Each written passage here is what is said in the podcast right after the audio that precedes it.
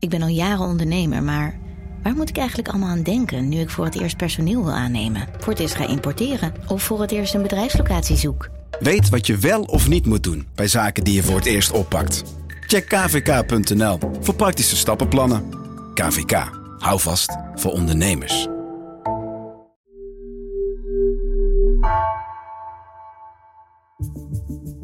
Vanaf de redactie van NRC het verhaal van vandaag. Mijn naam is Floor Boon.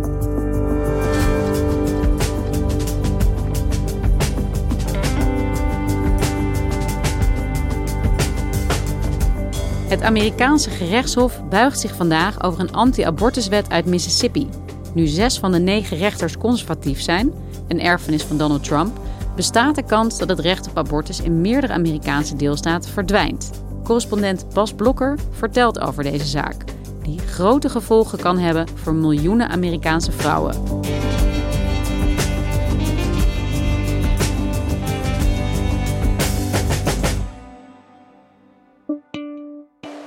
Your baby is not a mistake. Your baby is a gift from God. Your child is precious. Your child would like to live. Vandaag, 1 december, begint in Amerika bij het hoogste gerechtshof, het Supreme Court, de behandeling van een zaak die zeker bepalend zal zijn voor de nabije toekomst van het recht op abortus in de Verenigde Staten. Het Supreme Court behandelt namelijk een wet van de staat Mississippi die abortus vanaf 15 weken na de conceptie helemaal wil gaan verbieden. Als de wet van Mississippi, dus als hij het goedkeuringsstempel van het hoogste gerechtshof krijgt, dan betekent dat dat voortaan elke staat voor zichzelf mag bepalen of ze abortus wettig verklaren of niet. En je moet ervan uitgaan dat ongeveer de helft van de staten klaar is om abortus in zo'n geval te verbieden. Elf staten hebben zelfs al een wet klaar liggen die automatisch in werking gaat als het van het Supreme Court mag. In het hele land staat voor tientallen miljoenen vrouwen het recht op abortus op het spel.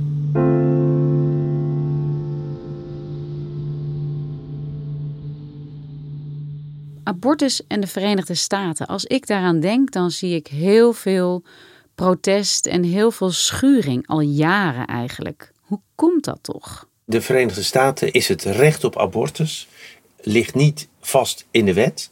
En dat betekent dat voor iedereen die daar tegen is, altijd de mogelijkheid blijft bestaan om zich er tegen te verzetten, om te proberen om het recht op abortus onmogelijk te maken.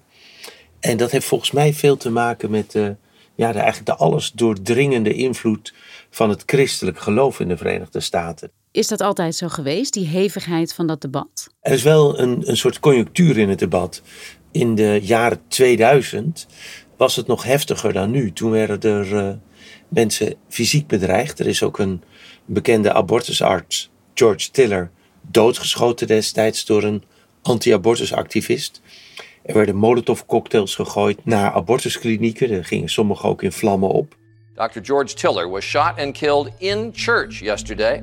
For years, Tiller was a lightning rod for abortion rights opponents, and his murder is sparking new fears for the safety of other abortion providers, some of whom are now being offered federal protection. Ja, en jij zegt, hè, het recht op abortus wordt op dit moment frontaal aangevallen. Het Hoge Rechtshof, ja, de hoogste Amerikaanse rechtbank, gaat zich daar ook nu over buigen. Hoe is het nu geregeld, dat recht op abortus in de VS? Het recht op abortus in de VS is vastgelegd in een eerdere uitspraak van het Supreme Court, van het Hoogste Gerechtshof. Dus zeg maar door de voorgangers van de huidige rechters is dat bepaald in 1973. Geruchtmakende zaak, die heet Roe versus Wade. It was under the pseudonym Jane Roe that McCorvey became involved in one of the most far reaching lawsuits of the 20th century Roe versus Wade. We must link arm in arm to protect and uphold the right to safe and legal abortion. En vanaf dat moment is abortus in de Verenigde Staten dus niet wettelijk toegestaan, maar het is wel legaal.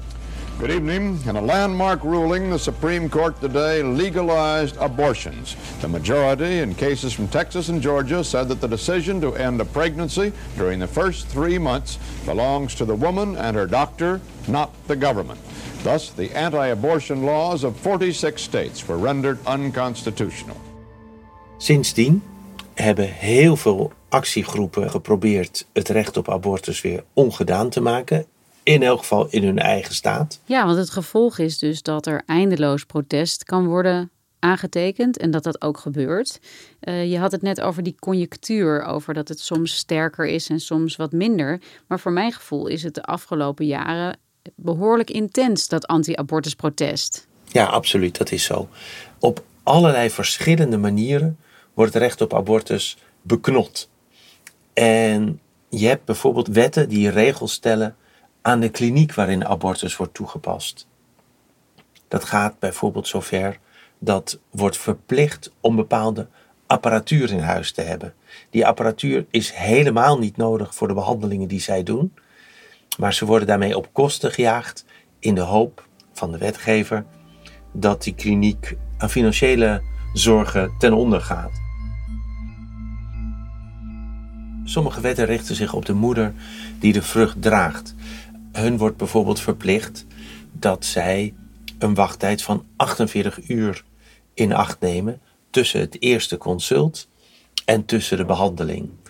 Dat klinkt helemaal niet zo verschrikkelijk, maar het betekent voor armere vrouwen, dat zijn dit vaak, dat zij niet één dag vrij moeten nemen om een abortus te ondergaan, maar op zijn minst twee. Het zijn allemaal manieren om het lastiger te maken om zo'n abortus te ondergaan. Wat ze ook doen is de inhoud van wat een abortusbehandelaar aan een vrouw die om informatie komt, welke informatie die behandelaar moet geven. Het betekent dat ze ook dingen moet zeggen waar zij het niet mee eens zijn.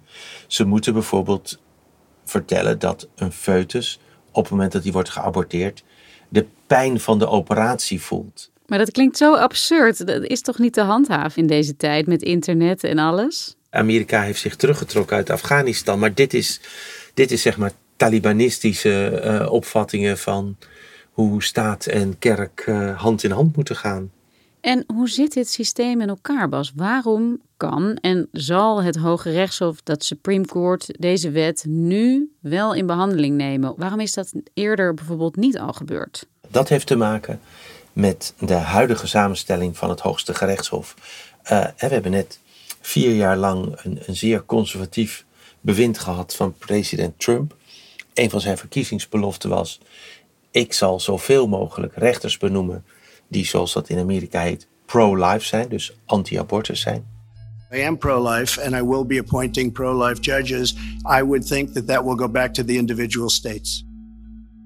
En hij heeft woord gehouden op alle niveaus rechtbanken, hoven, maar ook bij het hoogste gerechtshof heeft hij dat gedaan. En Trump heeft een raar soort mazzel gehad, om het zo maar te zeggen, dat hij maar liefst drie nieuwe rechters aan het hoogste gerechtshof kon benoemen. En dat zijn allemaal zeer conservatieve mensen. En dat betekent dat de, een grote, ruime meerderheid van het hoogste gerechtshof op dit moment heel conservatief is, heel christelijk is. En dat blijkt bijvoorbeeld al uit het feit dat ze überhaupt dit soort wetten in behandeling willen nemen. Eh, meestal zeiden ze van nee, dat doen we niet, want we hebben Roe v. Wade. We hoeven niet naar deze wet te kijken. Het is al een teken aan de wand dat dit huidige Supreme Court deze wet überhaupt wil behandelen.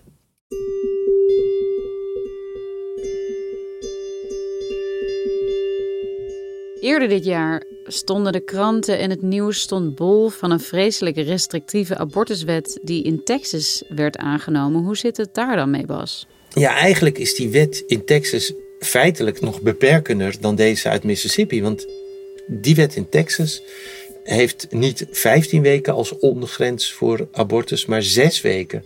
Dat is een zogeheten heartbeat law. Uh, waarin ze zeggen dat vanaf het moment dat je het hartslagje kunt horen van de foetus, dan is het al een levend wezen, dan is het al een mens. dan is het al moord als je er met de vingers aankomt als abortusarts. En die wet is aangenomen in Texas. In Texas hebben ze namelijk een juridische slimmigheid bedacht. Ze dachten, dit krijgen we er nooit doorheen, uh, gezien het feit dat die uitspraak van Roe v. Wade nog staat. En dat wij zeker weten dat onze wet daar strijdig mee is. En wat zij nu hebben bedacht in Texas, is dat het niet de staat is die de wet handhaaft, maar dat die wet burgers aanmoedigt om elkaar aan te geven bij de politie.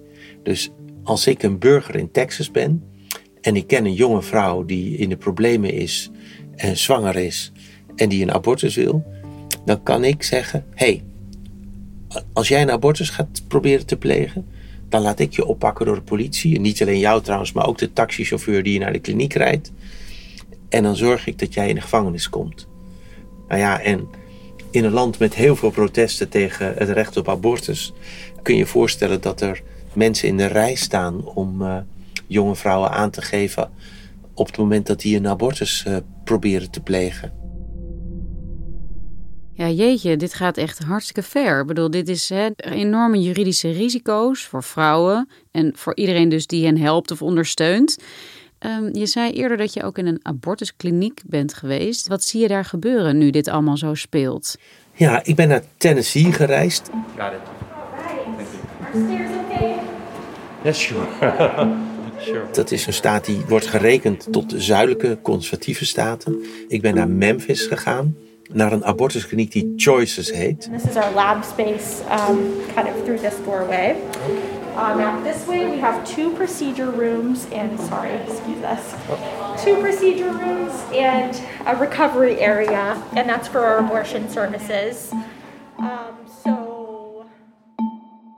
wat merken ze hier van die strengere wetgeving die in uh, buurstaten dan al op handen is? Ik ben gaan kijken op de parkeerplaats en ik zag, behalve de meeste uh, kentekens kwamen uit Tennessee, waar Memphis dus in ligt. Maar er waren ook nummerborden uit Mississippi, de staat waar die hele strenge wet gaat gelden. Er waren nummerborden uit Arkansas. En er was zelfs een enkel nummerbord uit Alabama. En dat ligt echt nou, op zijn minst vier uur, vijf uur rijden van Memphis. En ze plannen ook al voor het geval dat in Mississippi de wet van kracht wordt die vandaag voor ligt in het Hoogste Gerechtshof. Want dat kan ook gevolgen hebben voor Memphis zelf. Absoluut. Memphis grenst aan de staat Mississippi. Mississippi, moet je weten, is nog één enkele abortuskliniek over. Dus sowieso was het voor vrouwen daar al heel normaal om niet in Mississippi een abortusbehandeling te zoeken, maar in naburige staten waar er misschien iets meer klinieken waren. Vandaag gaat het Hoge Rechtshof zich dus buigen over de praktijk van abortussen en de arresten van bijna 50 jaar geleden. Wat gaat er gebeuren als het Hoge Rechtshof ook meegaat in de wens van Mississippi om uh, abortus zo in te perken? Belangrijk is dat elf staten op dat moment zogenaamde trigger laws hebben. Dus, dus wetten die worden getriggerd door een uitspraak van het Supreme Court. Om precies hetzelfde te doen om dus rechtstreeks Roe v. Wade af te schaffen. Om het recht op abortus af te schaffen vanaf een bepaalde tijdgrens. we hebben het over Texas gehad na zes weken, uh, Georgia na zes weken. Tennessee heeft ook zo'n trigger law klaar liggen. Dus dan wordt het ook lastig voor deze Choices kliniek.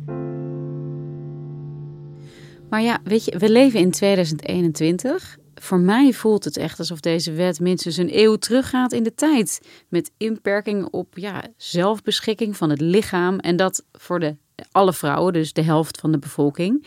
Is er niet ook massaal protest op dit moment in de VS hiertegen? Er is zeker massaal protest. En er zijn groepjes vrouwen die heten We Engage. Die stappen af op de anti-abortus activisten om met hen in gesprek te gaan. Okay, so Steve, I hear that you come here almost every weekend, right? And you come here to pray on the rosary? Yep. Is there a specific reason that you like to come to this clinic for it, or? Well, this is the only one in town still doing abortions. En dat is deels oprecht om te kijken of ze kunnen overtuigen. Maar deels dat natuurlijk ook een obstructietechniek. Want als er activisten in gesprek gaan met anti-abortus demonstranten, dan kunnen die anti-abortus demonstranten niet vrouwen die naar een abortuskliniek toe gaan aanspreken. En dus het is ook een soort kat-en-muisgevecht. Jij zegt terecht, het zelfbeschikkingsrecht ligt hier uh, frontaal onder vuur. Zeker. Het is natuurlijk ook een volksgezondheidskwestie.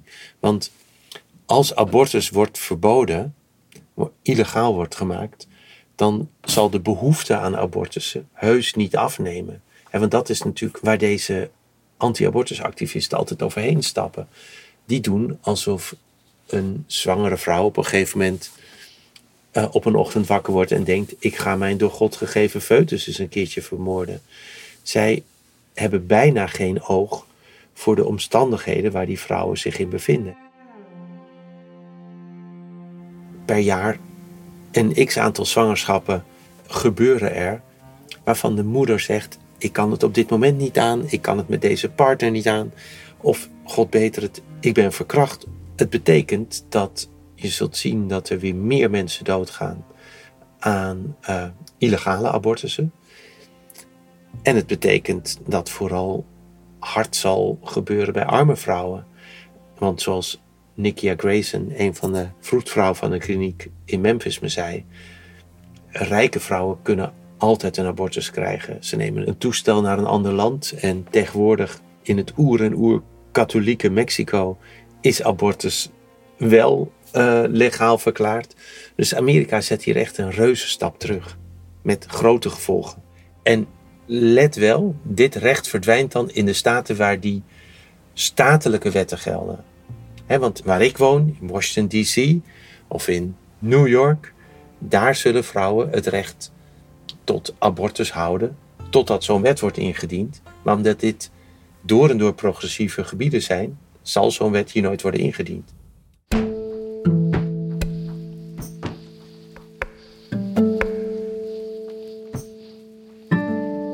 wat verwacht je, Bas? Hoe schat je de kans in dat dit mijlpaalarrest ook daadwerkelijk gaat sneuvelen? Nou, laat ik het niet zelf beantwoorden, maar laten we dan luisteren naar de pro- en contra-activisten. Uh, de zogeheten pro-life activisten, de mensen tegen abortus, die wrijven echt al in hun handen. Die zeggen: We hebben eigenlijk sinds 1973 niet zo'n geweldige kans gekregen om abortus voor eens en altijd af te schaffen.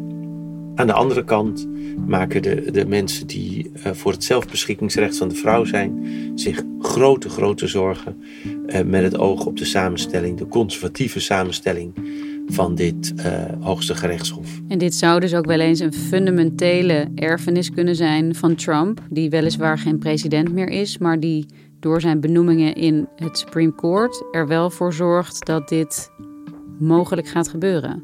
Absoluut. Dit is een van de verkiezingsbeloftes die hij daadwerkelijk is nagekomen. En wat gaan we zien? Wanneer kunnen we een uitspraak verwachten van het Hoge Rechtshof? Dit gaat heel langzaam. Een uiteindelijke uitspraak wordt pas verwacht in juni volgend jaar. Dat duurt dus nog wel even. Um, nou ja, ik uh, hoop dat we tegen die tijd bij je terugkomen, Bas, om te horen hoe dit verder gaat. Dank je wel. Alsjeblieft.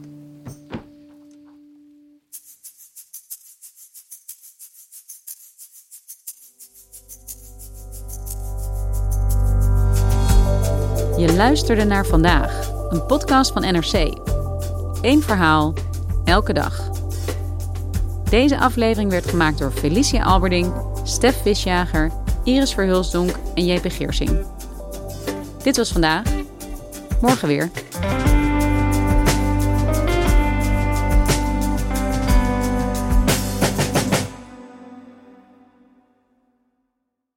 Technologie lijkt tegenwoordig het antwoord op iedere uitdaging. Bij PwC zien we dit anders. Als we de potentie van technologie willen benutten, kunnen we niet zonder een menselijk perspectief. Human-led, tech-powered noemen we dat. Ga naar pwc.nl.